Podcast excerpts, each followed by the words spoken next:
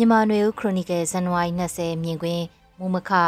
2023ရွေးကောက်ပွဲဝင်ခြင်းမဝင်ခြင်းနဲ့နိုင်ငံရေးပါတီတွေရဲ့အခမ်းကဏ္ဍလို့အမည်ရတဲ့မုံမခဆောင်းပါးကိုဖတ်ကြားတင်ပြပေးမှာဖြစ်ပါတယ်။စစ်ကောင်စီကကျင်းပမယ်လို့ပြောဆိုထားတဲ့လနဲ့ရက်တွေအတိအကျမကြေညာသေးပေမဲ့လည်း2023ခုနှစ်မှာကျင်းပမယ်ဆိုတဲ့ရွေးကောက်ပွဲကိုဝင်ခြင်းမဝင်ခြင်းနဲ့ပတ်သက်လို့သဘောထားကွဲပြားမှုတွေစတင်ပေါ်ထွက်လာနေတာသတိပြုမိပါတယ်။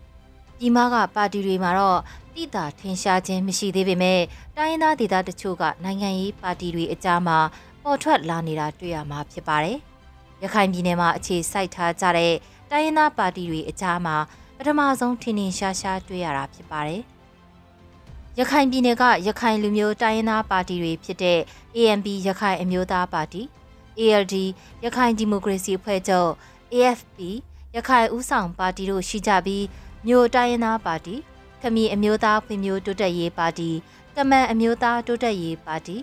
ဒိုင်းနက်လူမျိုးများတိုးတက်ရေးပါတီစတဲ့လူနည်းစုပါတီတွေလည်းရှိကြတာဖြစ်ပါတယ်။ ANP နဲ့ AFP ပါတီကတော့ဝင်ပြိုင်မဲ့သဘောမျိုးပြောဆိုတာတွေ့နေရပြီး ALD ပါတီကတော့လုံးဝမပြိုင်ဘူးဆိုတဲ့သဘောထားကိုသတင်းမီဒီယာတစ်ခုနဲ့အင်တာဗျူးမှာဖြေဆိုထားတာတွေ့ရပါတယ်။ရခိုင်ပြည်နယ်မှာပါတီကြီးလို့ဆိုရင် ANP လို့ခေါ်ဆိုတဲ့ရခိုင်အမျိုးသားပါတီရှိပြီး ကျန်တဲ့ပါတီတွေကတော့ ANP နဲ့ဆိုင်ရင်ထောက်ခံမှုအင်အားနှဲပါကြတာသူ့လူမျိုးစုနေမြေအလိုက်ထောက်ခံမှုရှိကြတာမျိုးဖြစ်တာတွေ့ရပါတယ်။ရွေးကောက်ပွဲဝင်ပြိုင်ခြင်းမပြိုင်ခြင်းပေါ်မူတည်ပြီးသဘောထားအမြင်မတူတာဖြစ်လာနိုင်တာသဘာဝဖြစ်ပေမဲ့အဲ့လိုသဘောထားအမြင်မတူညီမှုအပေါ်အခြေခံပြီးတပါတီနဲ့တပါတီအကြားတိုက်ခိုက်ပြောဆိုတာပဋိပက္ခဖြစ်တာမျိုးတော့မဖြစ်ပွားစေသင့်တာအမှန်ပဲဖြစ်ပါတယ်။ NLD ပါတီနဲ့နှီးဆက်တဲ့ဆက်ဆံရေးရှိတယ်လို့ယူဆကြတဲ့ ALD ပါတီက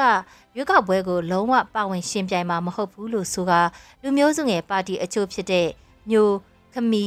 ဒိုင်းနက်နဲ့ကမန်လူမျိုးစုပါတီတွေကတော့ပါတီကြီးတွေဝင်ရောက်ရှင်ပြိုင်မဲ့အနေအထားကိုစောင့်ကြည့်နေကြပြီးပါတီကြီးတွေဝင်ရောက်ရှင်ပြိုင်ရင်၎င်းတို့လည်းဝင်ရောက်ရှင်ပြိုင်မယ်ဆိုတဲ့သဘောထားမျိုးဖော်ပြထားကြတာတွေ့ရပါတယ်။ 2021ခုနှစ်အာဏာသိမ်းပြီးတဲ့နောက်မှာရွေးကောက်ပွဲလှုပ်ဆောင်တာဟာ1988ခုနှစ်မှာအာဏာသိမ်းပြီး1990မှာလုပ်တဲ့ရွေးကောက်ပွဲနဲ့အခြေအနေချင်းနှိုင်းယှဉ်လို့မရတဲ့သဘောမျိုးလေးတွေ့ရတာဖြစ်ပါတယ်။1988ခုနှစ်အာဏာသိမ်းပြီးတဲ့နောက်ရွေးကောက်ပွဲလုပ်ပေးမယ်ဆိုခဲ့စဉ်က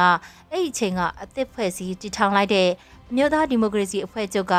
ရွေးကောက်ပွဲကိုအင်တိုက်အားတိုက်ဝင်ပြန်ခဲ့ပြီးအာဏာလွှဲပြောင်းရယူဖို့မျှော်လင့်ခဲ့ပူတာဖြစ်ပါတယ်။ NLD ပါတီရွေးကောက်ပွဲအောင်နိုင်ပြီးမှအခြေခံဥပဒေမရှိသေးဘူးဆိုတဲ့အကြောင်းပြချက်နဲ့အာဏာမလွဲပြောင်းပေးခဲ့ပဲအခြေခံဥပဒေပြုရွေးကောက်ပွဲအတွက်ရလက်အဖြစ်1990ရွေးကောက်ပွဲကိုသတ်မှတ်ခဲ့ပြီးစစ်အုပ်ချုပ်ရေးနဲ့စစ်အာဏာရှင်စနစ်ရှေ့ကြခဲ့တာဖြစ်ပါတယ်။အဲဒီနောက်2010မှာစစ်အာဏာရှင်စနစ်ကနေစစ်ဗိုလ်ချုပ်တွေက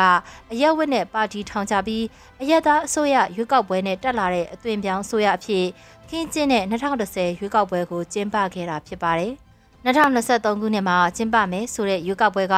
2010ခုနှစ်ရွေးကောက်ပွဲအခြေအနေနဲ့နှိုင်းယှဉ်ကြည့်ရင်လည်းမတူညီတဲ့အခြေအနေတွေနောက်ခံတွေအကြောင်းရင်းတွေရှိနေတာဖြစ်ပါတယ်။2010ရွေးကောက်ပွဲက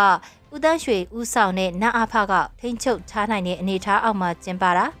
တင်းကျပ်တဲ့အခြေအနေကနေဖြေလျှော့မှုလုပ်ပြီးစစ်တပ်အငင်းစားဗိုလ်ချုပ်တွေပါဝင်တဲ့ကြန့်ခိုင်ရေးအစိုးရကို တရားဝင်မှုဖြစ်အောင်လှုံ့ဆော်တာဖြစ်ပြီးအခု2023ခုနှစ်မှာကျင်းပမယ့်ရွေးကောက်ပွဲက